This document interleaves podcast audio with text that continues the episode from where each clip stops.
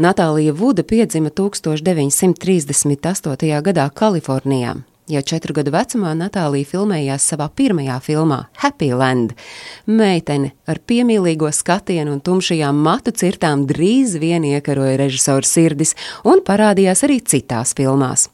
Kā jau tas ierasts, tad nereti aktrisei, īpaši jau bērnībā, nācās filmēties projektos, par kuriem viņa absolūti nebija sajūsmā. Tomēr gan līguma nosacījumi, gan mammas iegribas piespieda meiteni filmēties apšaubāmas kvalitātes filmās. Līdz 60. gados viņa tika pie iespējas nospēlēt daudzas no savām vislabākajām lomām. Piemēram, viena no tām ir West Side Story. Karjeras pēdējos gadus aktrisei nācās lavierēt starp izcilām un samērā traģiskām atsauksmēm par savu tēlojumu. Kā pati Natālija Vuda atzinusi, tad viņai pašai nav bijusi nojausma, kas viņa ir, un tāpēc nācies vien būt tādai, kādu viņu vēlējušies redzēt citi.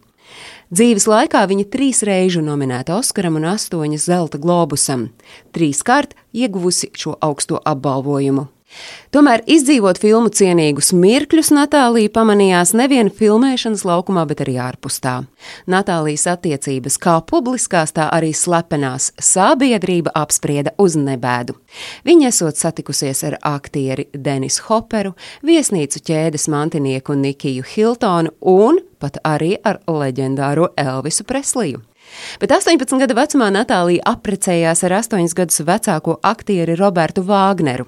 Pāris nokļuva mēdīju uzmanības centrā, diemžēl šī savienība ilgi nepastāvēja un pēc pieciem gadiem pāris pašķīrās. Trīs gadus vēlāk viņa apprecējās ar filmu producentu Ričardu Greksonu. Nākamajā gadā piedzima meita Natāša, bet šī laulība arī drīz vien tika šķirta, jo Natālija pieķēra Ričardu Sānsolī. Un tad Natālija vēlreiz mīja gredzenus ar savu pirmo vīru Robertu. Pasaulē nāca meita Kortnija. Šajā laikā Natālijas prioritāte bija ģimene, noliekot karjeru otrajā plānā. Tas bija laiks, kad aktrises vārdiem runājot, dzīve ritējusi gluži kā atpakaļgaitā. Viņa strādāja, kad citas meitenes gāja uz skolu, bet tad, kad sievietes bija sasniegušas tādu vecumu, kad vēlējās veidot karjeru, aktrise palika mājās. Tomēr aktrises dzīve bija sarežģīta. Attiecību līkloči, spiediens no mātes un nepārtrauktā mediju uzmanība noveda pie alkohola un medikamentiem, un tas viss tikai tāpēc, lai nomierinātu nervus. Bet nu par mīklaino nāvi. 1981. gada novembrī Natālija kopā ar savu vīru Robertu devās izbraucienā ar kuģīti. Kopā ar viņiem bijis arī aktieris Kristofers Volkens, kurš kopā ar Natāliju strādājis pie filmas Brainstorm. 29. novembra naktī visi trīs aktieri baudījuši alkoholiskos dzērienus, uz klāja izcēlies incidents. Roberts dusmās sašķaidījis pūdeli, jo uzskatījis, ka Natālijai ar Kristoferu ir pārāk tuvas attiecības. Samērā ilgi abi kungi augstos toņos risinājuši savas domstarpības, pēc karstā strīda no Natālijas nav bijušas nemiņas. No rīta Natālijas ķermeni atrada ūdenī blakus mazajai glābšanas laivai.